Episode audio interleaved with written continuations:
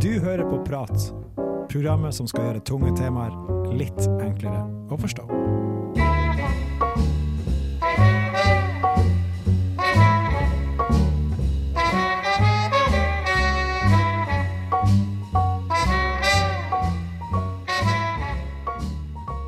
Hei, mitt navn er Jørgen Steen, og i dag skal vi prate om antropologi.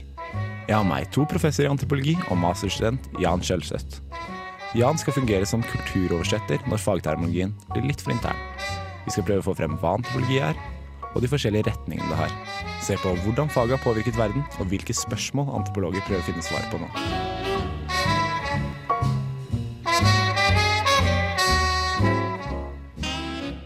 Og med meg i dag for å ta en prat om antropologi har jeg Hans Martin Thomassen. Han har en doktorgrad i sosialantropologi og er førsteamanuensis ved Instituttet for sosialantropologi på NTNU. I tillegg til dette har jeg med meg Trond Berge, som har en doktorgrad i sosialantropologi og er førsteamanuensis ved samme institutt. Eh, ja, Vi starter med deg, Trond Berge. Kan du fortelle litt om deg sjøl? Uh, eh, ja, hva skal man si? uh, nei, jeg, jeg underviser og forsker ved Sosialantropologisk institutt her i Trondheim, på NTNU. Og um, har vel jobbet her siden eh, 2000. Eh, Selve utdanningen den tok jeg vel eh, i Oslo, og der har jeg magistergrad basert på feltarbeid fra eh, Sør-Afrika under apartheid-regimet i 86, så tidlig som det. Og så tok jeg eh, doktorgraden min, også i Oslo, eh, på forholdene i en usedvanlig forurenset by i Romania på begynnelsen av 1990-tallet. Interessant. Vi får høre mer om det senere. Og Martin Thommessen? Ja, hei. Eh, Jeg har da min bakgrunn litt fra Amerika, hvor jeg studerte geografi. Så var jeg innom idéhistorie i Oslo, og så ble det mye mer antropologi etter hvert. Jeg tok eh, hovedfag med utgangspunkt i feltarbeid i Øst-Afrika, i Kenya. Ute på bygda der, og bodde med noen bønder der. Eh, Problematikken der var sånn utviklingsproblematikk. Interessant og spennende, spesielt på 70- og 80-tallet. Eh, Etter hvert så ble det jo en eh, doktorgrad her ved NTNU, og den har da i all hovedsak handla om eh, omlegging fra eh, konvensjonelt til økologisk landbruk. Der er det en ganske mye spennende problemstillinger, og et sammenfattende ord for det kan jo være miljøproblematikk. da. Det vil jeg også høre mer om senere. Også med meg i dag for å gjøre ting litt klarere, har jeg Jan Kjølseth, som tar en mastergrad i sosialantropologi på NTNU. Det stemmer. Jeg har vært et halvår i London i England i fjor på våren 2014. Og jeg har vært innom forskjellige puber i og rundt, i og, rundt London hvor de har arrangerer standup-kvelder. Og jeg har forska på eh, standup eh, som performance og se hvordan publikum og promotørene som driver showet og komikerne samhandler og interagerer innenfor det rommet de holder til i. Straks skal vi ta en prat om hva sosialantropologi er, men før det hører vi på låta 'School' av Supertramp. Hva er antropologi? Jeg har en bachelor i faget, så jeg burde vite det. Men når folk spør meg om hva det er, så er det vanskelig å komme med en kort og dekkende definisjon. Man trenger som regel en halvtime eller mer om man skal greie å dekke de mange faglige aspektene antropologi tar for seg. Når jeg snakker med andre mennesker, så får jeg et inntrykk av at de færreste vet særlig mye om faget. Og det er derfor jeg har valgt å ha en egen sending om antropologi. For å finne ut av hva folk faktisk vet om antropologi, sendte jeg min koprodusent Øyvind Hauge ut på gata for å spørre tilfeldige mennesker. Hei, jeg heter Øyvind. Jeg ville finne ut hva folk visste om sosialantropologi. Så jeg tok meg en tur ned til Trondheim sentrum for å spørre folk om nettopp det. Hei, eh, jeg kommer fra Radio Revolt. Kan jeg stille et spørsmål? Ja. Hva er sosialantropologi? Sosialantropologi er læren om andre kulturer, Ok, ja, tusen takk. tror jeg. Ja, Tusen takk. Vil du svare på det? Samme som hun. Ja. Hva er sosialantropologi? sosial Antropologi. læren om forskjellige kulturer og sånt. Vet du noe sånt? Eh, Hva er sosialantropologi? Ja, fort gjort. Eh, Hva er sosialantropologi? Sosialantropologi. Antropologi. Ja, hva er det? Det er jo Det vet jeg ikke, altså. Jeg har ikke noe svar til jeg på det. Eh, Hva er sosialantropologi? Har ikke peiling, jeg. Hva er sosialantropologi? Hæ? Sosialantropologi? Hva er sosialantropologi? Ja. Folke... Studie av eh, folke, folkegrupper og hvordan de lever og hvordan de har levd og hvordan de oppfører seg og hvordan det er i forskjellige steder i verden og etnisiteter og den type ting. Så hva er antropologi? Nei, altså Det er et vanskelig spørsmål. Eh, når jeg begynte å studere eh, antropologi, så var det mer eller mindre tilfeldig. Jeg tenkte rett og slett, jeg var ikke helt sikker på hva jeg skulle gjøre. Og så kom en og fortalte meg at det var et fag som handlet om indianere. Og jeg tenkte ja, nei, det hørtes kult ut. Det må jeg ta. Så ble det antropologi. Men det som er litt viktig å si i den forbindelsen, det er jo at uh, antropologi det er et uh, veldig heterogent fag. Altså Det er et blandet, det er mange forskjellige oppfatninger av hvordan, hva faget egentlig dreier seg om. Og det betyr at, at uh, de tingene jeg og også etter hvert Marte sier, det, det, det, det, er på egne vegne, for å si det sånn. Altså Det er mange forskjellige meninger om hva faget er. Men eh, veldig mange vil nok være enige om at eh, en av kjennetegnene med faget, det er komparasjon. Altså sammenligning.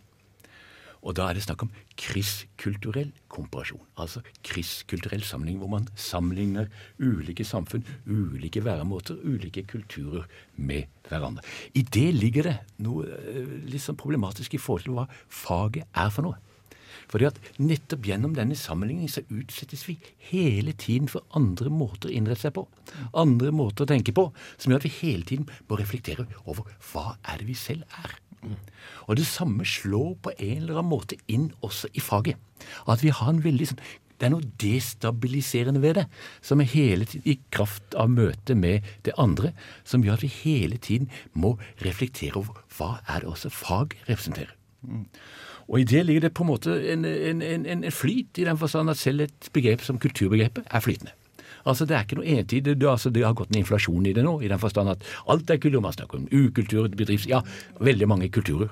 Men, men, selve kulturbegrepet er heller ikke noe lett størrelse, som på en måte var kanskje noe av nøkkelen til faget tidligere. Det har vi på en måte prøvd å løse litt opp. Og i det ligger det en utfordring, men det ligger også noe av fagets styrke. Jeg tenker på kulturbegrepet. Når du bruker det, bruker det så det gjør lettere å analysere kulturer, eller tenk, prøver du å holde det åpent så det ikke er ekskluderende? Altså, Kulturbegrepet er veldig godt å tenke med, mm. i den forstand at det er godt å reflektere rundt. Det er godt å på en måte ha en eller annen merkelapp å sette på ting.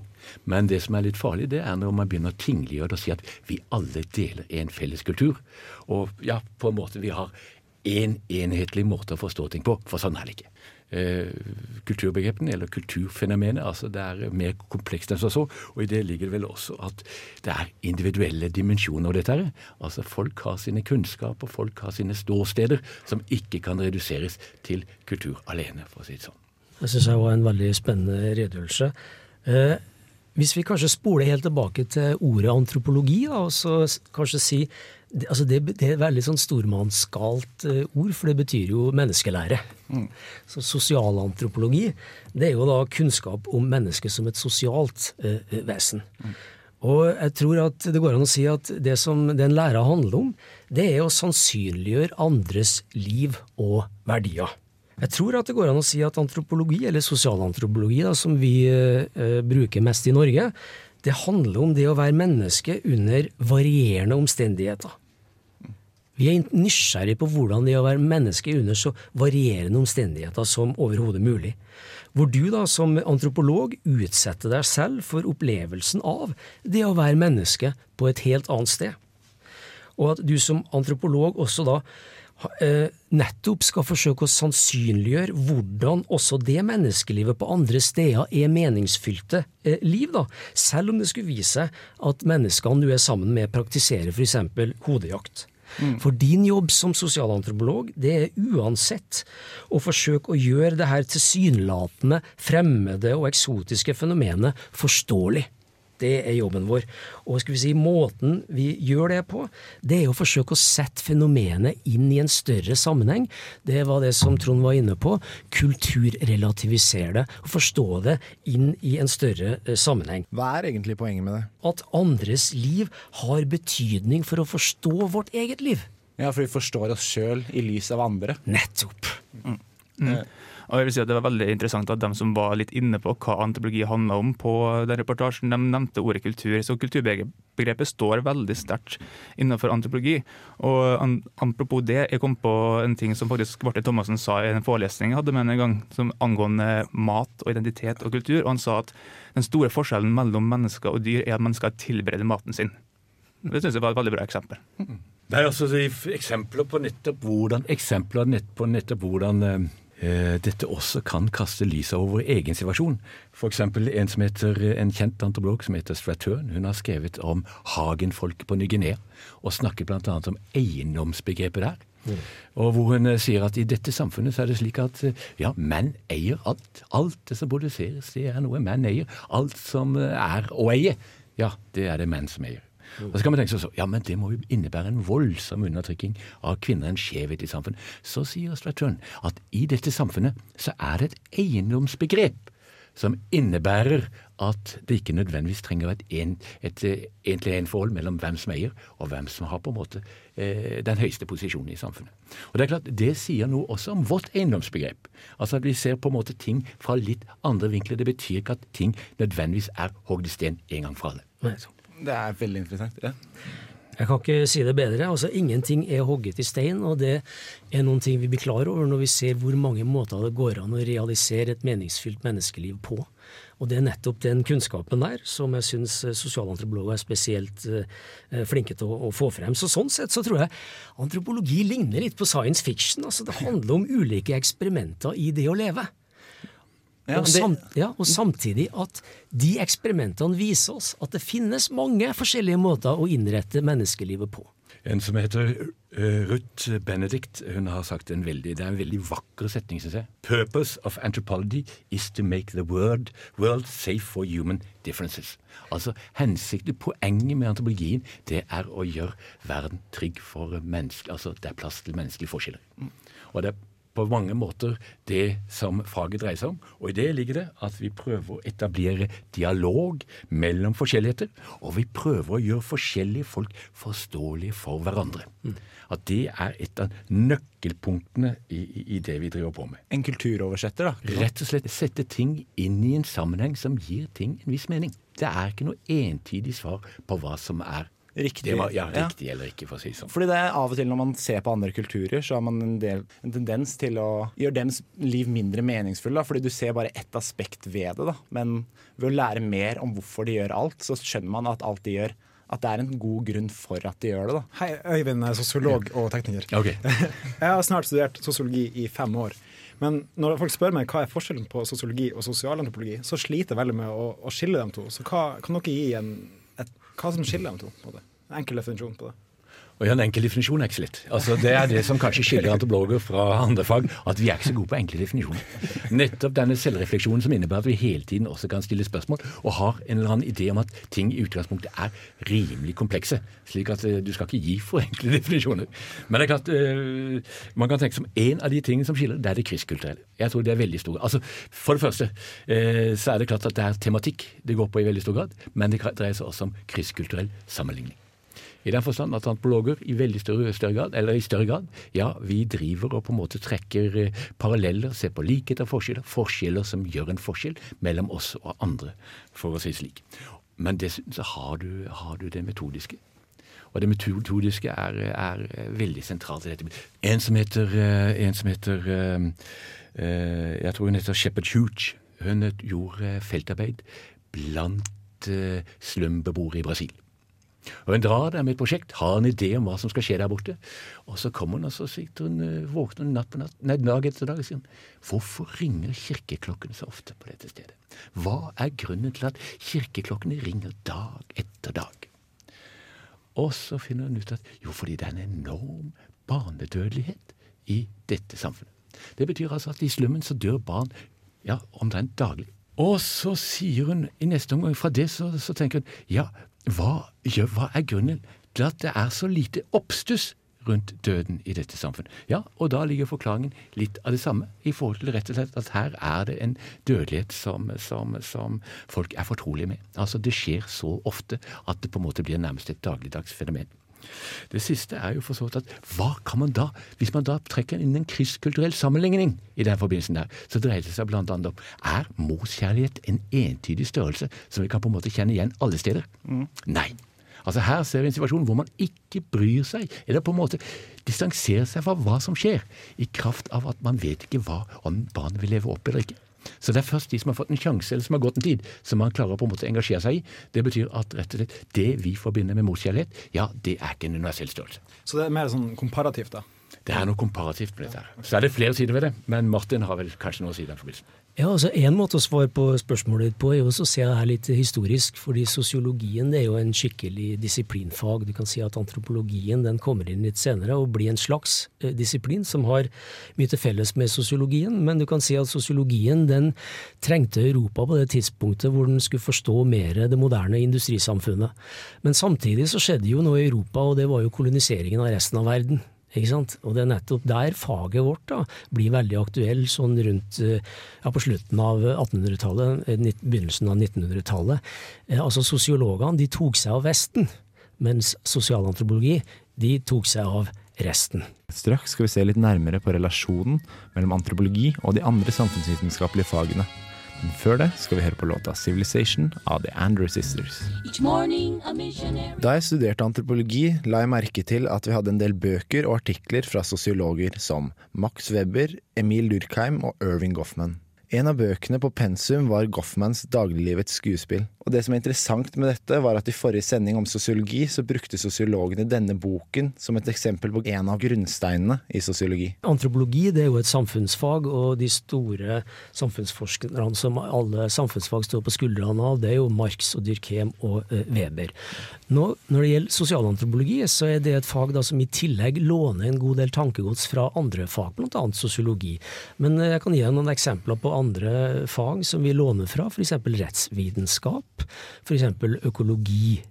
F.eks. språkvitenskap. Alle de fagene der har levert veldig viktige bidrag til sosialantropologien. Og sosialantropologien den, kan, den står overhodet ikke eh, på egne ben. Den er ikke selvforsynt med begreper. Den låner, setter sammen på, eget, eh, på egne premisser, nær sagt, for å studere eh, dette som gjør at vi kan sannsynliggjøre andres liv og verdier. Ja, Det som kan legges til, er at eh, antropologi kan også berike de eh, fagfeltene vi låner fra. Eh, F.eks. innenfor økonomisk antropologi. Vi har tatt veldig mye fra økonomien i visse deler av faget, men vi kan også si hva er egentlig verdi når matematikere sitter og regner ut tall uten å gå særlig inn på det individuelle ved økonomi, f.eks. Men man kan også tenke seg i forhold til hva er, hva er det vi legger bredt på. F.eks. i forhold til statsvitenskap, som kanskje i større grad er opptatt av institusjoner. Altså snakker du om politikk, så snakker du om politiske institusjoner. Noe av styrken til antropologien det er at vi ser det politiske i tilsynelatende upolitiske elementer i samfunnslivet. Og Det betyr da også at vi nærmer oss et fenomen som politikk, eller ja, teknologi for den saks skyld, som totale sosiale fenomener. Altså er det fenomener som involverer eller har i seg elementer fra både religion, fra økonomi, fra økologi, altså fra en rekke ulike eh, samfunnsforhold. Og nettopp den der litt sånn, om ikke holistiske, men i hvert fall en, en, en, en sette ting inn, kontekstualisere ting, sette det inn, inn i en større sammenheng, og se hvordan denne sammenhengen går igjen i delene. Det er vel kanskje noe litt sånn typisk for faget. Kunne du forklart ordet holistisk? Holistisk betyr vel en, en eller annen form for helhetlig analyse. Og det er vel egentlig en tilnærming som man gjerne forbinder med funksjonalisme, hvor man med utgangspunkt i et relativt lite samfunn så på hvordan alt henger sammen.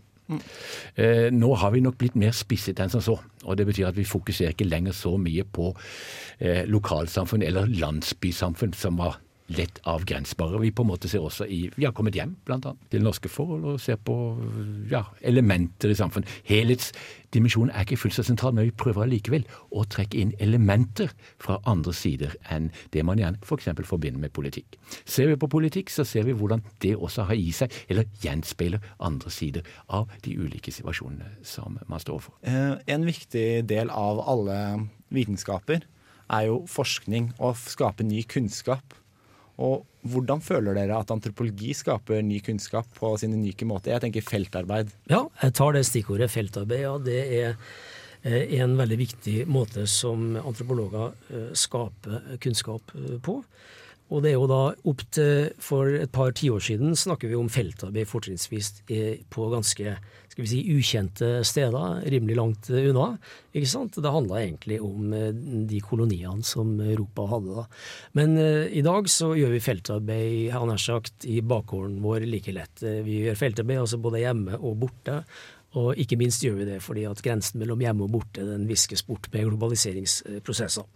Men det jeg skal si da, altså feltarbeid ja, det er et veldig viktig stikkord. Det, tingen er at det er ingen andre fag som har feltarbeid som sin faglige eh, kjerne på den måten vi har det.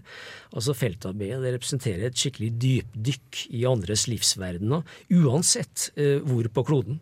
Hvor vi altså da involverer oss i andres liv 24 timer i eh, døgnet. Og det er da interessant nok eh, veldig eh, altså forskjellig fra f.eks. sosiologien, så er det sånn at vi, vi som mennesker vi involverer oss i de andre menneskenes liv, hvor vi på en måte lærer om de andres måte å være menneske på, gjennom selv å delta i de andres menneskeliv. Bli en del av samfunnet. Ja, ikke sant? Med hud og hår, på sett og vis. da. Eh, og Samtidig er det jo da sånn også at de andre gradvis mister sin annerledeshet da, etter hvert som vi lærer dem å kjenne, og vi egentlig finner ut at vi har veldig mye felles menneskelig eh, til felles. Så fremgangsmåten her er som sagt da å eh, gjøre et feltarbeid og forsøke å formulere noen ideer som sannsynliggjør de andres liv og verdier, hvor det er et, alltid et ekko av levende mennesker i teksten vår. Det er veldig veldig viktig. Så hvis du har den biten, og så legger du til det som Trond har snakka om, nemlig sammenligning, eh, hvor vi også da sammenligner det kjente, det vi kjenner fra før, med dette ukjente som vi nå nettopp har lært å kjenne. Når vi sammenligner de to tinga der, da bringes det ny kunnskap inn i verden, som spesielt antropologer eh, tror jeg eh, ja, er stolt over at vi av og til gjør i våre beste eh, øyeblikk. Men forutsetningen for å gjøre den sammenligningen, det er jo at det nettopp gjøres feltarbeid blant mennesker som lever andre menneskeliv. Det er det som gjør at vi har noe materiale å sammenligne med. da. Jeg syns det er veldig bra formulert av Martin. Mitt eget på en måte forhold til, til feltarbeid er at i mange fagdisipliner er kanskje, har kanskje folk en ganske klar agenda hva de skal finne ut før de drar ut på forskningstermin, mens eh, en antropolog han går inn med veldig åpent sinn. Han skal prøve å ta til seg alt av informasjon fra den eh, kulturen eller subkulturen han, han forsker på, for å sitte igjen med et helhetsinntrykk. Vi skal prøve å komme inn så nært inn på våre informanter som mulig og se eh, deres verden fra deres perspektiv. Og Det er veldig viktig. Det står som veldig som en sånn særposisjon innenfor antropologisk forskning, tror jeg. Du nevnte det med å ta del i forskninga, det du forsker på. da. Og jeg tenker da, Får man ikke da en Hawthorne-effekt av at du, sånn, det man forsker på, blir påvirka av at du forsker på det? Ja, og det er, det er litt av eh, poenget her. ikke sant? Fordi at eh, når vi forsker, så kan du si at vi forsker mer i dialog med de vi forsker på. Vi bryter ned den distansen som sosiologer har til de de forsker på, ikke sant? fordi de forsker med distanserende blikk. Fordi at de tenker at det er det som gir kred for forskninga, for den er basert på distanse ikke sant, til det du forsker på. Og det, det er veldig positivt. Du kan lære veldig mye spennende om mennesket på den måten der. Eh, Men eh, vårt perspektiv er at det også går an å lære andre mennesker å kjenne gjennom involvering, deltakelse, hvor kroppen, hele kroppen din, blir et forskningsinstrument. Og hvor du nettopp forsøker å tilegne det, eh, som studenten, masterstudenten her sa, de andres forståelse av sin situasjon. Den er ganske interessant, og den får du bare gjennom nærkontakt over lang tid. Det å være der er en sentral del av det antropologiske prosjekt. Så Trond, kunne du oppsummert hva antropologi er i en eller to setninger? Uh, ja, antropologi er vel rett og slett uh, læren om mennesket, tror jeg er det som uh, eh, man finner i leksikon. I det ligger det vel å forstå menneskets i alle dets eh, varianter. Men eh, det, det primære med dette, det er rett og slett også å da gå utenfor vante rammer og se noe av forskjelligheten i verden. Og dette er da eh, noe vi gjør med utgangspunkt i komparasjon, og til det bildet så knyttet seg en form for relativisme.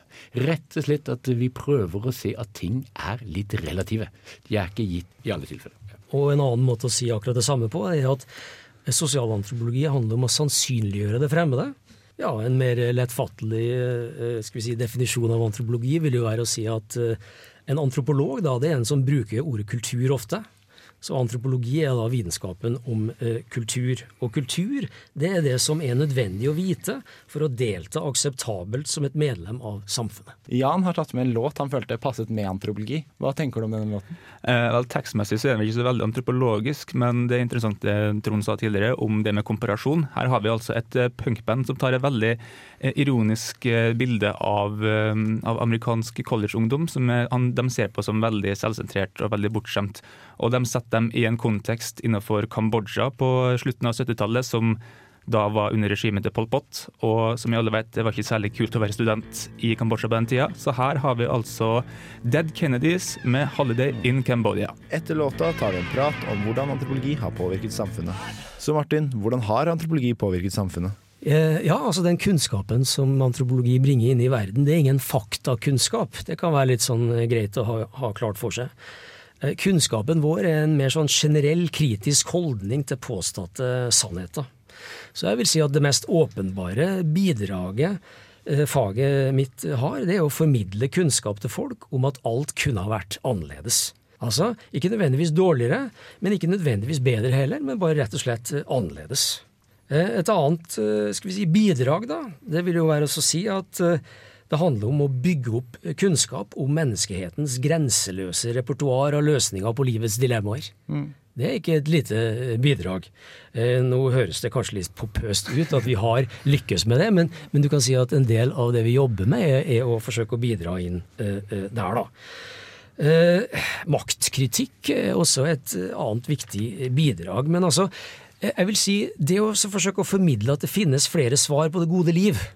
Formidle at moderniteten ikke er den samme overalt i verden. Ikke sant? Rokke ved noen selvfølgeligheter her, da. Og rett og slett gå til rette mot en god del håpløse påstander om at eh, med globalisering så blir alt likt, eller at historien går mot sin eh, avslutning eh, og den type ting. Altså, altså bygge opp kunnskap gjennom å gå til rette mot de som f.eks. tilskriver andres verden en absurditet. ikke sant? Vi er en motvekt mot alt det der. Og vi er også en motvekt mot alle de som snakker om, om, om flate, endimensjonale eh, verdensbilder. Altså i, i Pentagon, i, i, i, Verdensbanken, i sosialdemokratiet, så er det en tendens i dag til at ting eh, presenteres på en ganske sånn endimensjonal eh, eh, måte. Vårt fag ikke sant, det handler om flerdimensjonalitet. Det handler om å gjøre vans eh, enkle ting komplekse, fordi at sannsynligheten for at de er ganske komplekse, er ganske stor. Så det er nettopp da gjennom en, å ha en sånn kritisk holdning til masse sånne påståtte sannheter. Selvfølgeligheter Eh, Tatt for gittheter, Mm. selvfølgeligheter. ikke sant? Det er der vi kommer inn. Og igjen, for å spinne tilbake til der hvor vi var, grunnen til at vi kan komme inn der, er for at vi har et sammenlignende blikk eh, på det. Så det er på en måte da, jeg, hvis jeg skulle avslutte, å si å bidra her med å være et korrektiv til vanetenkning gjennom å forbløffe og knuse en del myter, da. men dermed bidra positivt. Jeg er veldig enig om at, at vi, eh, vi setter endimensjonale inn i det flerdimensjonale. Det er jeg veldig enig i. Og altså medie, noen mediesaker blir framstilt på en veldig sånn ensidig måte, og da kan vi komme inn og argumentere for at det ikke er så enkelt som det blir framstilt. Og putte liksom det flerdimensjonale inn i det endimensjonale, det blir bare enda viktigere og viktigere. fordi at pga. hvordan internett fungerer i dag, hvem som helst kan skrive en lang bloggpost om hvordan ting er i samfunnet i dag, og sånn er det, og sånn er det. Og det er veldig mange som som ser på det ukritisk, og som bare tar det inn som, eh, som faktabasert informasjon. Og da er det veldig bra at vi har folk innenfor akademia som kan komme på banen og si med klare eksempler at sånn er det ikke. Noe jeg tenker på da, i de baner, er f.eks. nikab, da, som er Noen selvfølgelig vil ikke bruke det, men jeg har også lest om de som vil bruke det, som liker friheten ved å være anonym i et samfunn. Selvfølgelig er det forskjellige aspekter på det siden mennesker er individer og ikke grupper med samme mentalitet. Og jeg synes ved å høre om de som mente at de kunne skjule seg, da, følte seg mer anonym og likte denne delen, så skaper det et bredere forståelse for at det finnes også de som liker det, og de som ikke liker det. Istedenfor den- det vi blir lært gjennom media, at nikab er lik kvinneundertrykkelse uansett. Jeg vil bare understreke at her er det forskjellige oppfatninger innenfor antropologien. altså. Det er forskjellige skoler i forhold til ja, hvordan man, eh, i hvilken grad man relativiserer. Noen er, tar gjerne utgangspunkt faktisk i menneskerettighetene og nærmest opp, oppfatter det som en eller annen fasitsvar i det hele. Slik at det, det, er ikke, det er som jeg sa innledningsvis, at det er et veldig heterogent fag. Men det er klart, i forhold til denne krysskulturelle samlingen, så dukker det nettopp, som Martin sier opp, forskjellige eh, måter å se ting på, som dels kan, eh, kan eh, gi oss forståelse for hvor forskjellige ting er, samtidig som det kan vise hvor like vi er, er oppi det hele også. Eh, Et eksempel på det det var en kollega som eh, gjorde forskning for noen år siden i forhold til eh, en eh, ungdomsgjeng som var ute i Nordmarka. Dette var eh, belastet ungdom. Så ute i Nordmarka på en eller annen sånn eh, ja, hva heter det, utfart for å, arrangert av eh, Oslo kommune, tror jeg det var. Og eh, de var veldig flinke. De stilte opp, gjorde hva det skulle være. De fikk soveposer, de fikk en rekke nemlig utstyr de kunne bruke når de var, eh, når de var på disse, denne turen i, i, i Nordmarka. Når de drar videre, når de skal hjem igjen, ja, så lar de alt utstyret ligge. De lar soveposene ligge. De har ikke bruk for dem. Og så spør denne kollegaen vår hva har skjedd. Jo, så sier han, ja, hvordan kan jeg forstå dette? Jo, vi kan sammenligne det med jegere og sankere.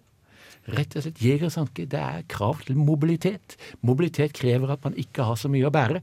Ja, hvis man sammenligner eh, disse med jeger og sanker, så vil vi kanskje kunne forstå litt mer av hva de bedriver. Det betyr ikke at akkurat sammenligningen med jeger og sanker er et poeng i seg selv. Det er ikke det at de ligner på jeger og sanker som er det avgjørende, men det er rett og slett noe som kan bidra til å øke vår forståelse av vårt eget ved nettopp å ha et blikk også på de andre. Forstår ting i lys av annen kunnskap? Ja, ellers rett og slett sammenligningsgrunnlag for å forstå hva er det som, eh, hvordan forstå det som gjelder her, med utgangspunkt i hvordan kanskje andre har innrettet seg på en annen måte. Eller eh, situasjoner som setter litt, ting litt mer på spissen. Når det gjelder akkurat hva forskjellen mellom sosiologi og antropologi, så er det klart vi skal være veldig forsiktige med å tegne et for skjematisk bilde av forskjellen. Det er veldig mange sosiologer som er inne på mange av de samme tingene som vi driver på med. Jeg tror at eh, vi kanskje på mange måter har nærmet oss hverandre. Og, og, og det er klart vi bruker eh, sosiologene for det de er verdt, altså, og de bruker forhåpentligvis oss. Eh, Bourdieu er jo en av de helt sentrale skikkelsene i vårt fag.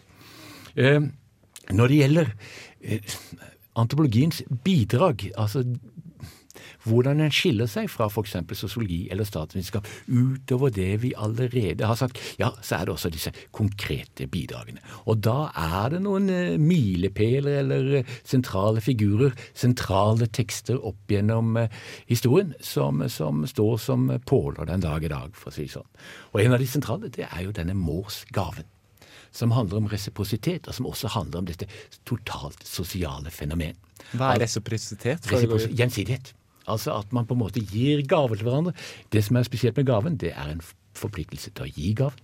Det er en forpliktelse til å motta gaven, og det er en forpliktelse til å gjenyte gaven. Og ved nettopp den relasjonen, ja, så bygger man relasjoner. Og, og, og på en eller annen måte så var eh, Maas bok ja, den var en utfordring mot den tiltagende atomiseringen, mot den tiltagende individualisering, mot den tiltagende fremmedgjøring i samfunnet. Rett og slett prøver å si hvordan man kan skape relasjoner på flere plan.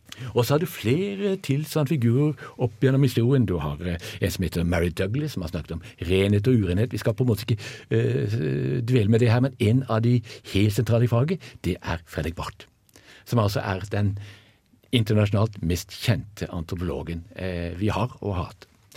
Eh, som eh, ja, var så populær i USA at et universitet der gikk alle i samme type bart og samme type skinnjakke som det han hadde, rett og slett for å ligne på denne Fredrik Barth. Det han har skrevet om etnisitet blant annet, det er en milepæl i forståelsen av hvordan kultur er å forstå på den måten. Altså, det er i møte med mennesker at man på en måte skiller ut tradisjoner, at man på en måte blir til det man er. Det er ikke slik at etnisk gruppe det er noe man er i utgangspunktet nødvendigvis, med de og de eh, merkelappene, med det og det innhold. Disse forskjellene oppstår i møte mellom to eh, grupper. Det betyr at etnisitet er ikke nødvendigvis noe man er, det er også noe man gjør. Det er altså en form for handling, en måte å opptre i verden på. Vil jo si at eh, antropologisk forskning ofte er på en måte prøve å få frem stemmen til marginaliserte grupper i samfunnet, som f.eks. romfolk, eh, også folk som driver med omskjæring og sånn? Jeg tror at det inngår i den samme formen for eh, relativisering, at vi har litt problemer med å se hvor Ja, altså ikke problemer, men at vi ser hele tiden at det er alternative måter å innrette seg på. Slik at vi da vil også i større grad kanskje stille spørsmål med hva er det majoriteten krever. Det handler jo om å gi stemme til de på en måte stemmeløse.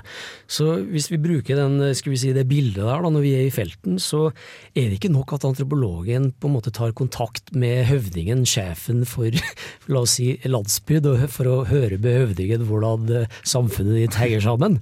Ikke sant? For det handler om å bli kjent med alle de forskjellige menneskene som til sammen utgjør det samfunnet, og som alle egentlig har litt forskjellige stemmer, litt forskjellige oppfatninger, litt forskjellige kunnskaper og litt forskjellige verdier knytta til det å lage meningsfylte liv. Og en antropolog som gjør et godt feltarbeid, han forsøker da å få tilgang til alle disse stemmene her, og forsøker da også eh, få alle disse stemmene her inn i en eller annen tekst, og for dermed å tegne et bilde som sannsynliggjør at de også lever meningsfylte eh, liv og har eh, spennende verdier de ønsker å realisere. Et kanskje interessant eksempel på det er feminismens inntog i antropologi. At de så at kvinner, kvinners stemme var veldig mye mer um, gjeldende og mye mer relevant innenfor uh, landsbykulturer enn det de egentlig trodde før, før, den tid. Og Jeg har lyst til også i den forbindelse å vende tilbake til det jeg sa innledningsvis, at, eller det sitatet fra Ruth Benedict. The purpose of anthropology is to make the world safe for human differences. Altså, I det ligger det også at man prøver å ta vare på forskjellighet. Og i det ligger det også at vi i situasjoner à la tiggerspørsmål, à la innvandring, ja, så har vi lett for å i hvert fall prøve å se ting fra et annet ståsted enn vårt eget. Mm. Og i alle samfunn så har du mange forskjellige mennesker som alle sammen har litt forskjellige ståsted og som forsøker likevel å komme frem til en felles forståelse. Men de er ikke nødvendigvis enig i alt det de andre måtte mene i samfunnet, men de er likevel eh, de evner å kommunisere seg imellom, fordi de likevel deler en vilje til å kommunisere seg imellom. De er ikke nødvendigvis enige, men eh, de utgjør likevel skal vi si, et slags samtalefellesskap som gir eh, mening. Men en antropolog må altså sikre seg tilgang til alle disse forskjellige stemmene her, før det kan komme da særlig ned på papiret. Kanskje se litt på felles referanser de har i samfunnet, da. Fordi samtale er jo referanse. Ja, altså Vi er ikke bare antropologer, vi er også mennesker. Slik at oppi dette her, så vil jeg si at én eh, ting er å kunne forstå alt, én ting er å relativisere alt, én ting er på en måte å se kompleksiteten i ting. Når det gjelder f.eks. tiggere, så mener jeg at man kan konkludere slik som Odd Børresen, den tidligere ja, komikeren musikeren, gjorde i forhold til flyktninger. Han sa at det er sikkert mange gode grunner til å si at uh, man skal være forsiktig med å slippe inn for mange flyktninger til Norge. Han vil ikke vite av det. Jeg vil ikke vite av de tingene. Jeg sier at alle flyktninger som trenger å komme hit, de skal få lov å komme. Og jeg sier det samme om tiggere.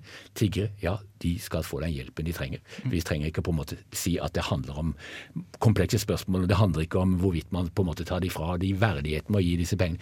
De skal rett og slett få lov å få den være til stede i gaten vår. Hvis nåværende statsminister Erna Solberg banket på kontoret deres og ba dere forsvare midlene som ble brukt på antropologi, hva ville dere svart da?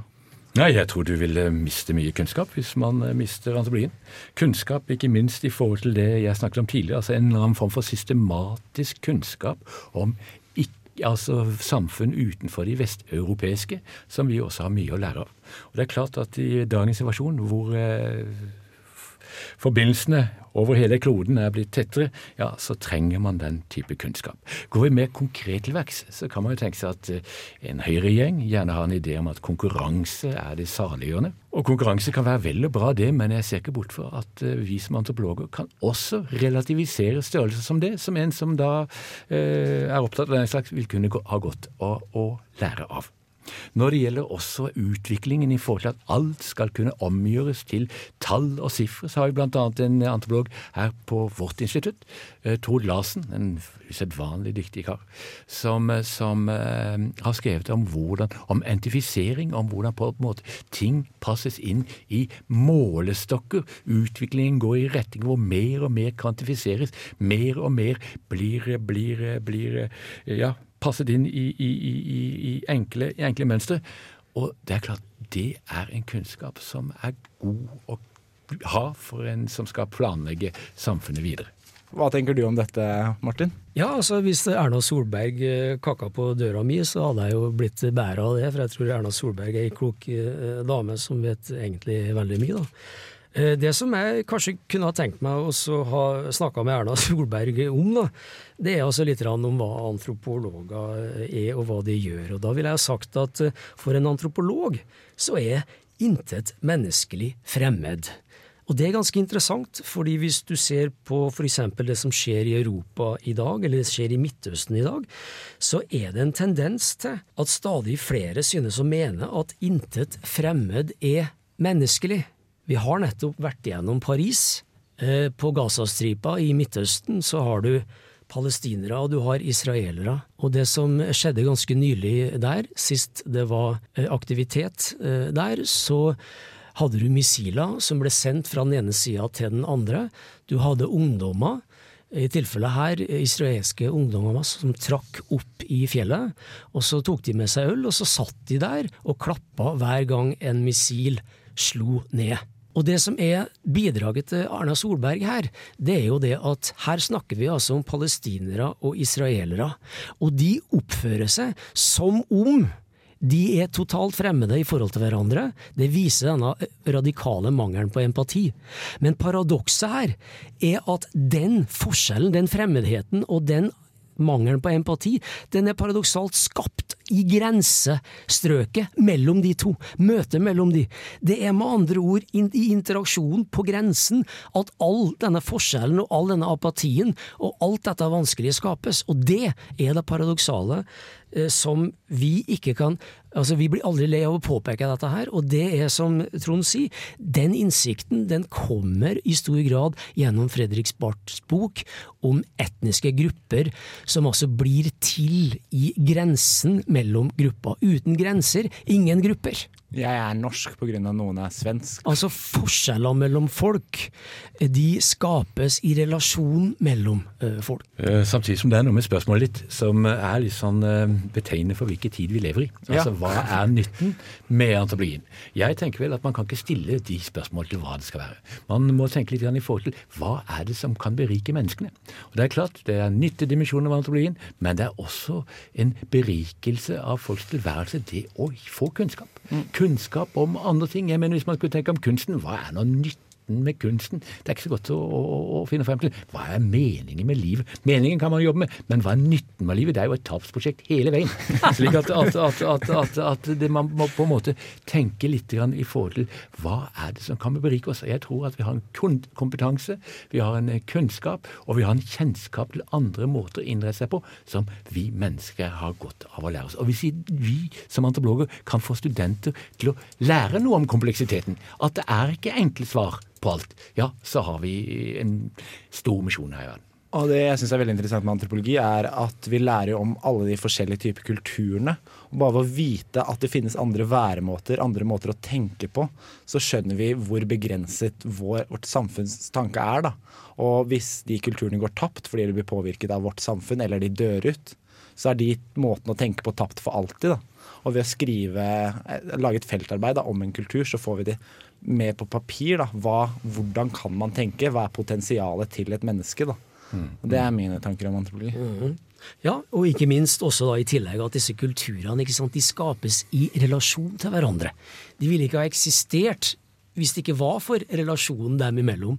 Og der syns jeg altså da den, den eh, konflikten, eller relasjonen mellom eh, palestinere og israelere, er et godt eksempel på det. Det palestinske skapes i relasjon til det israelske, og motsatt. Og det paradoksale er at det som skapes, igjen skaper så stor avstand som det gjør mellom folk, på den måten at du får en radikal mangel på empati som et resultat. Og det er noe som brer om seg, ikke bare i Midtøsten, men også i Europa. Og nå har vi gitt to gode eksempler på det. Og det er det paradoksale. Dette er noe av det jeg syns er mest interessant med antropologi. Det å forstå dehumanisering.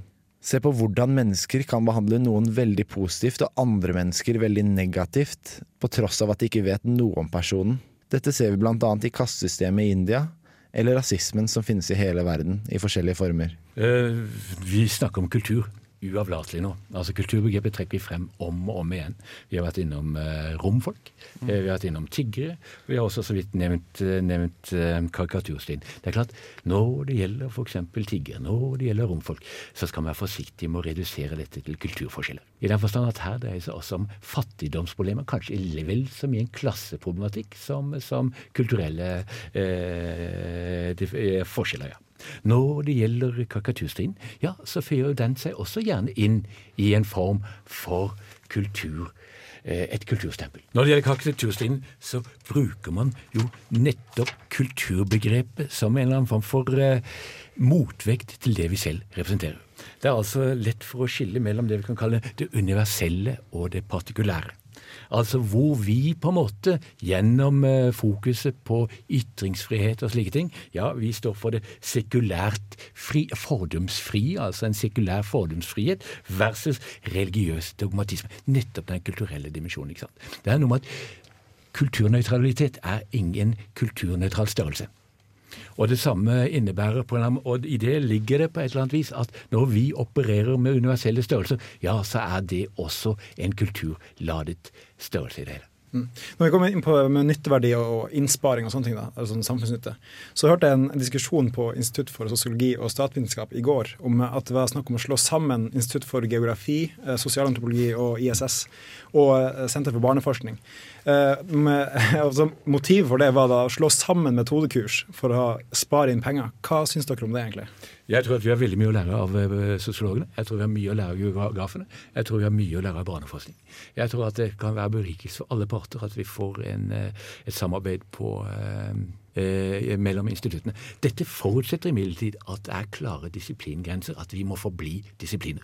Gjennom denne disiplinforankringen eh, så vil vi kunne inngå samarbeid. Jeg husker det var et, jeg tror det var fra Oslo, hvor det var eh, to institutter som var så gode til å samarbeide at de ble slått sammen til ett institutt. Etter det samarbeidet de aldri. Altså Det er et eller annet med å ha en viss trygghet i seg selv før man, eh, før man inngår for mange mye, ja, før det blir for stort press om samarbeid. I forhold til den karikaturstilen, bare for å avrunde den, så vil jeg bare understreke at dette er veldig komplekse greier. Det betyr ikke at jeg har gitt noe svar på om hva som er riktig og galt i den forbindelse, men det er klart at vi spiller litt på den skillet mellom det universelle og det kulturladete, og at det på en måte eh, også gir, eh, gir seg utslag i ulike dommer vi feller om hva som er riktig og hva som ikke er det. Altså Vi kan si litt sånn at antropologien er kommet hjem, og at de nå også Tidligere jobbet man utelukkende ja, eller stort sett med samfunn utenfor eh, Norge, helst også utenfor Europa. Og den eh, antropologen med hår på brystet, det var antropologen som helst hadde vært på Ny-Guinea. Det var den mm. store mannen. Nå har antropologien i veldig mye større grad kommet hjem. At man er opptatt av norske folk, og ikke bare det, man er også opptatt av f.eks. nettsamfunn og slike ting. Du hadde med en låt, Martin. Eh, du har med 'Kua' av Goods. Hvorfor valgte du å ha med akkurat denne låta? Jo, fordi at ingenting er absolutt. Det som fremstår som absolutt, det kan antropologen lett eh, relativisere på en sånn måte at vi ser at den ikke er absolutt, den er ikke hogd i stein, selv om en også trenger å hogge ting i stein, sette merkelapper på. Men det fins også andre merkelapper det er mulig å sette på ting, selv om han karen i sangen ikke ønsker at, å, å få satt at det settes merkelapper på han. Straks skal vi snakke om feltarbeidet til gjestene, men før det skal vi høre på Kua av Gode ord dør sist. Ingenting er absolutt Feltarbeid er en sentral del av sosialantropologi.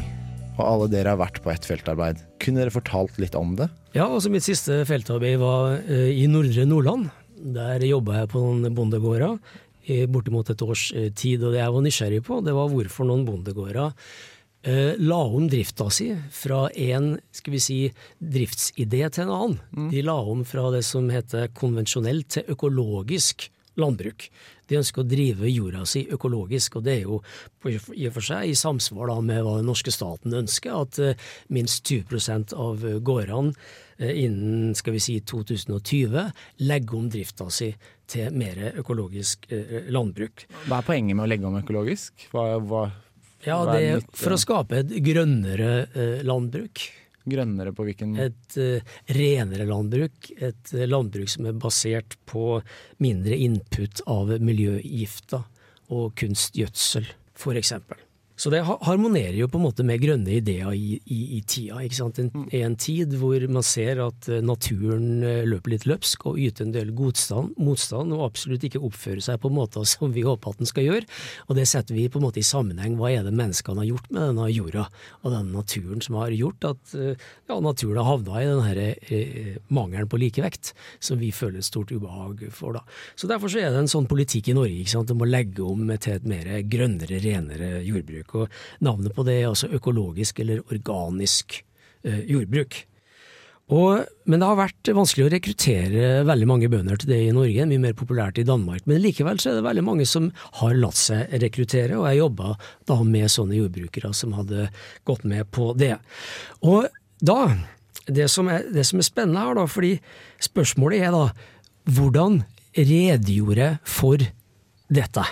Altså, Hva er det som gjør at disse jordbrukerne finner mening i å legge om fra den ene driftsformen til den andre? Ikke sant? Det er spørsmålet.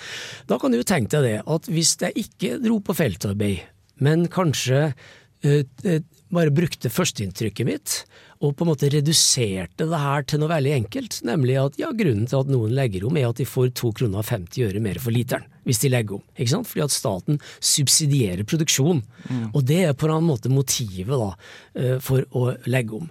Det som vi gjør her, da, det er å redusere et fenomen til noe veldig enkelt, en eneste ting, nemlig penger, økonomi. Det som er i mitt fag, da, er at vi forsøker å være en slags motvekt eh, mot å gi enkle eh, forklaringer på ganske spørs komplekse eh, spørsmål. Og Det var akkurat den kompleksiteten i dette her som jeg forsøkte å nøste opp da etter mitt langvarige feltarbeid. Fordi at Det som skjedde når jeg ble kjent med disse folkene, her, det var at disse jordbrukerne de var ikke hvem som helst. De var veldig mange kvinner som nå da jobba som initiativtagere på bondegården sammen, eventuelt sin eh, husbond.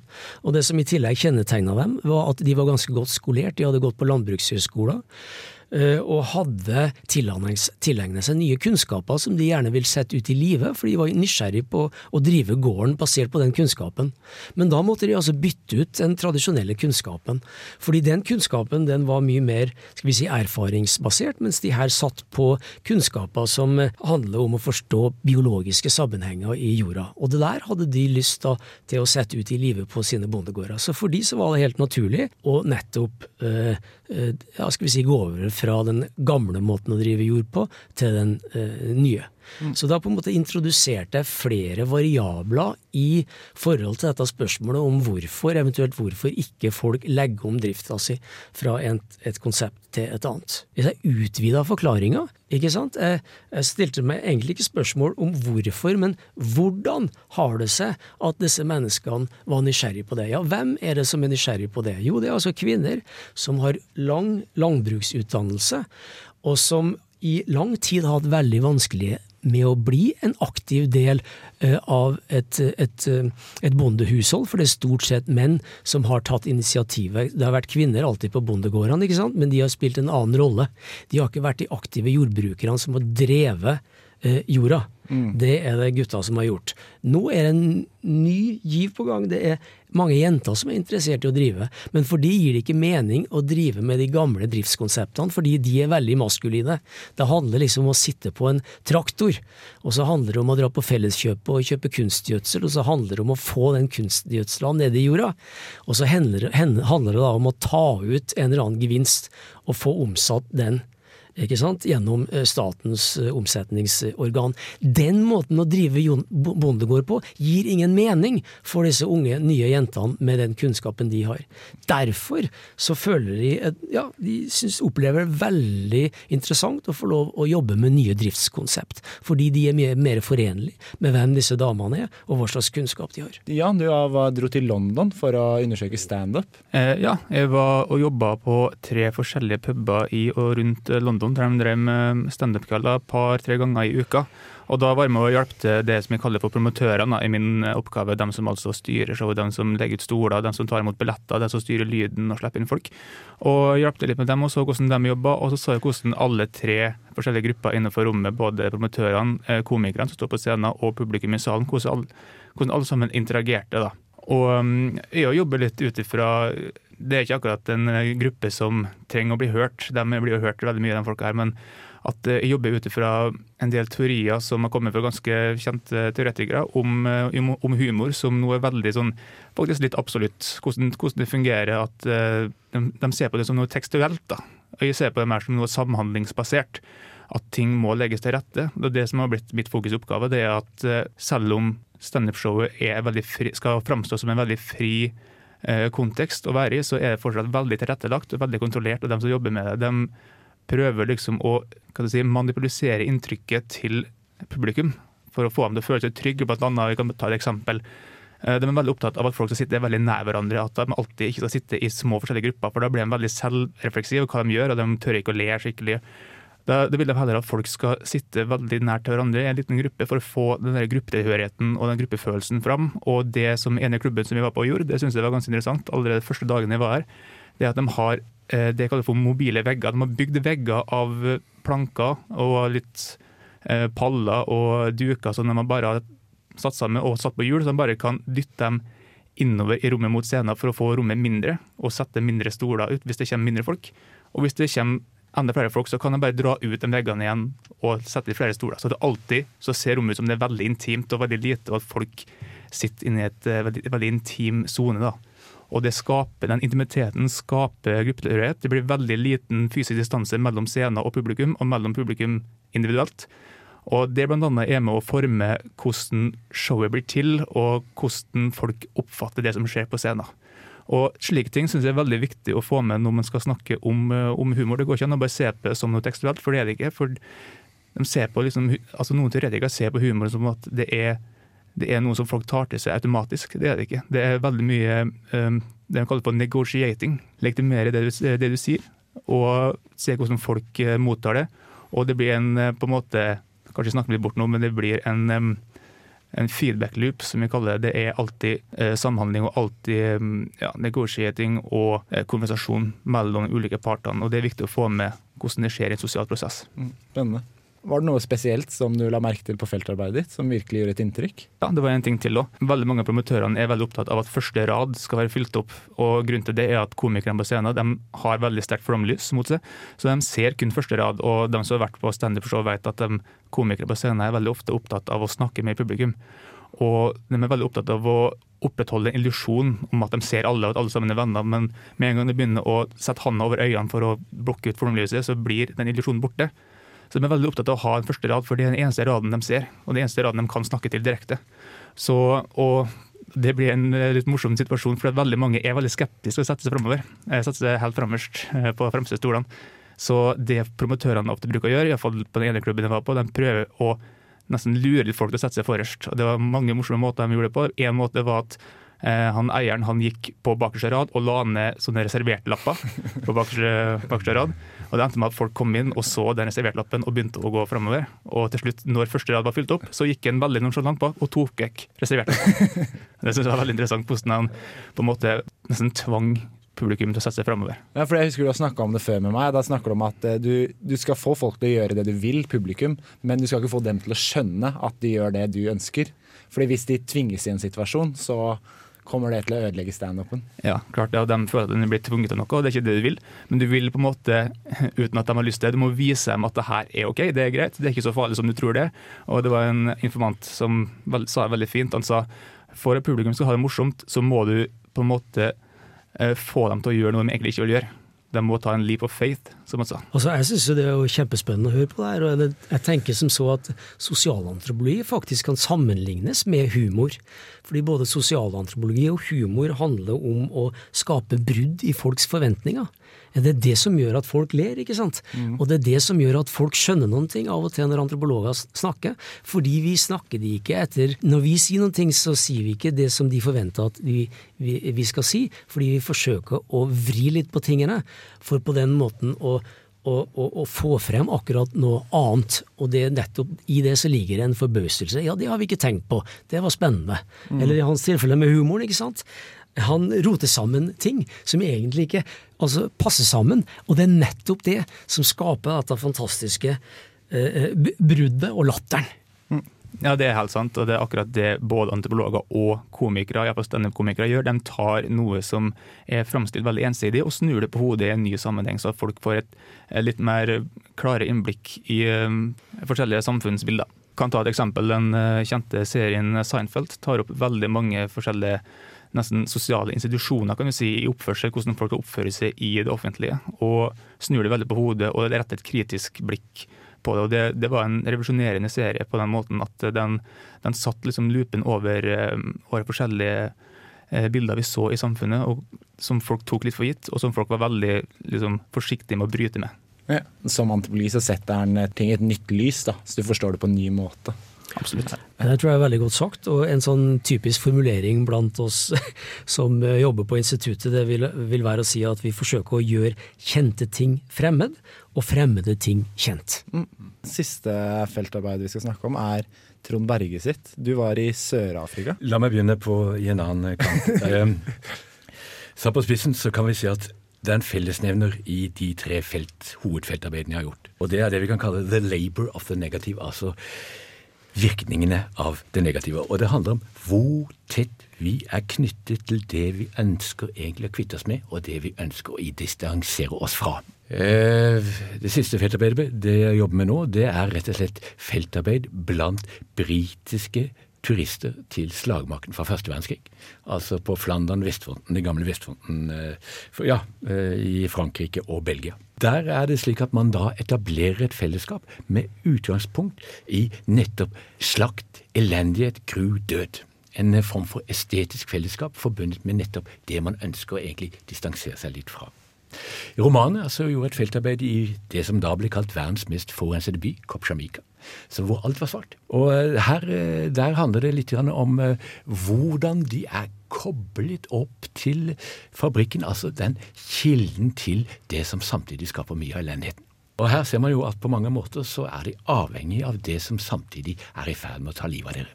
Og det siste, det første feltarbeidet, det var i Sør-Afrika. Eh, Under eh, apartheidregimet, og eh, feltarbeidet ble da gjennomført i 1986. Det var en periode hvor ja, det var mange boikotter. Det var vanskelig for eh, sørafrikanere å slippe til orde i resten av verden. Det betyr at når jeg kom ned der, så er alle veldig interessert i å snakke med meg. Og det betyr at eh, du kan kontakte eh, ja, Desmond Tutu eh, snakket jeg med. Han mente at det var et dårlig prosjekt jeg hadde. For jeg å om de, jeg, jeg ønsket å skrive om den hvite befolkningen i Sør-Afrika. Altså, hvordan er det å være på toppen av et system som dette? Hvordan er det å være samtidig uglesett i hele verden? Han mente jeg burde skrive om de svarte, men det ble til at jeg skrev om hvite allikevel. Eh, I den forbindelse så har jeg lyst til å foreslå en sang, og det er en sang som da er laget av en som heter Sipo Hotstick Mabuse. Denne Mabuse traff jeg på eh, en konsert i Cape Town. Som sagt, dette var en periode hvor du kunne snakke med folk, og de var villige til å bruke tid på deg. Jeg traff en konsert på, i Cape Town, og vi ble enige om å møtes i Johannesburg et par dager senere. Eh, Før, Dagen før jeg traff denne Sipo Hotstick Mabuse, så eh, traff jeg, var jeg i parlamentet. Eh, og der møtte jeg den mest konservative eh, kandidaten, eller hva heter det for noe, parlamentsmedlemmet i datidens sørafrikanske hvite parlament. Og han het van der Merve. Det som eh, gjorde at han uh, syntes det var interessant å prate med meg, det var blant annet han var selv antropolog. Han hadde antropologisk bakgrunn. Han forklarte sin holdning til apartheidsystemet med utgangspunkt i kulturforskjeller. Han sa at her er kulturforskjellene så store mellom hvite og svarte, ja, at vi må faktisk holde de fra hverandre. Slik at det er en av sidene ved det antropologiske kulturbegrepet som vi skal, som vi skal være litt obs på. Og slik har det også blitt brukt gjennom, i, i, i visse perioder. Jeg har fått et inntrykk av at det faktisk finnes ett positivt aspekt med apartheid, og det er at det kulturelle mangfoldet blir beholdt. For etter at apartheid ble oppløst, fikk de svarte mye impulser fra de hvite, og de hvite impulser fra de svarte. Veldig bra. veldig bra. Ja, Nettopp det ble en blanding av det man kan kalle ulike impulser av kultur. Akkurat det å holde de fra hverandre, det var et rent påskudd å holde noen nede.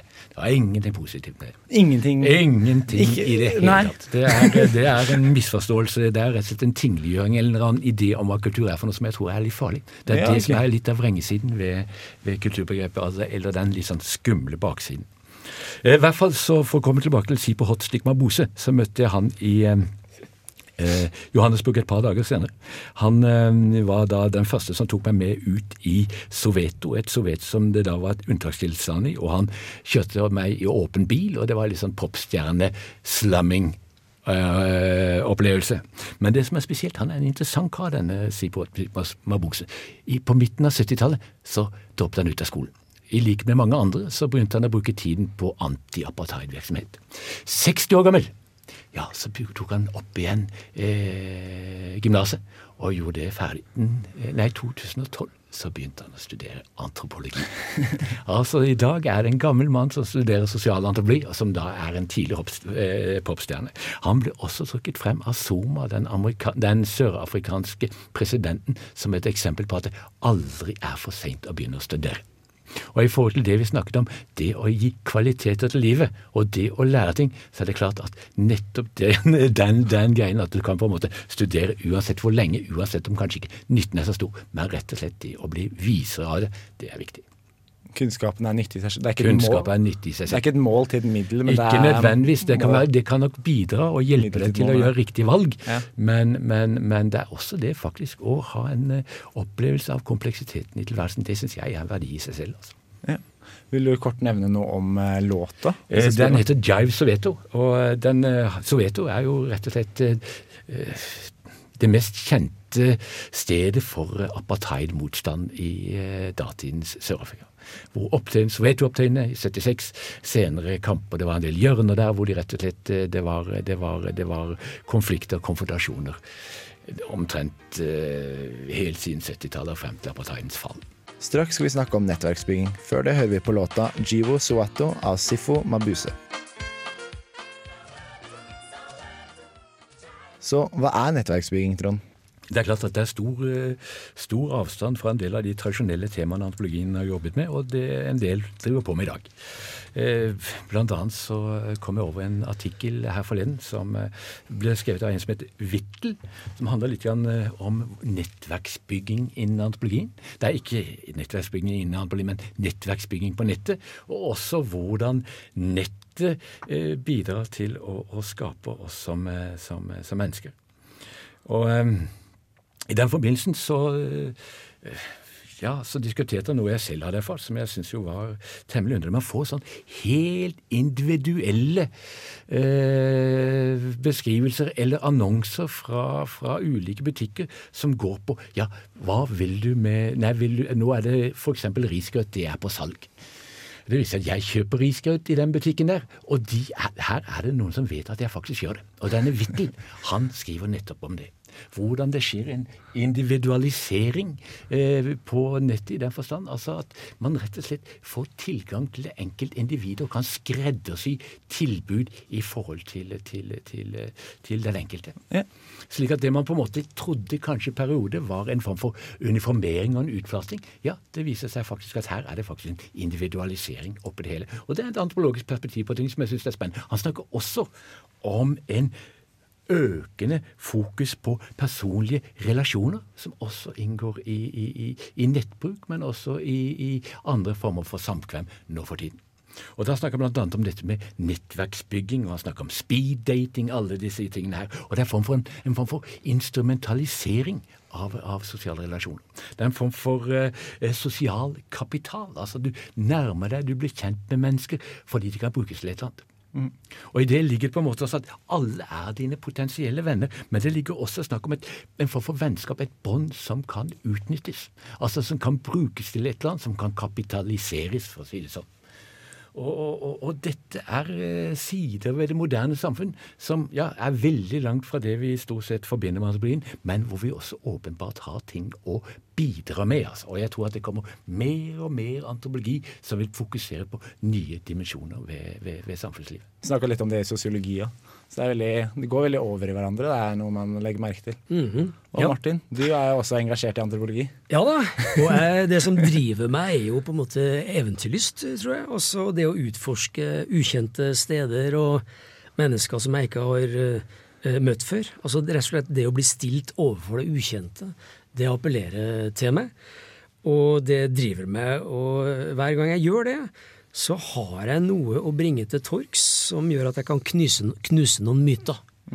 Og en myte eh, som jeg knuste et stykke på vei, iallfall, det var på mitt første feltarbeid i Kenya, eh, hvor jeg bosatte meg ute på landsbygda. Og det som eh, var fokuset mitt da, det var dette med utvikling. ikke sant? Vår del av verden er veldig opptatt av utvikling.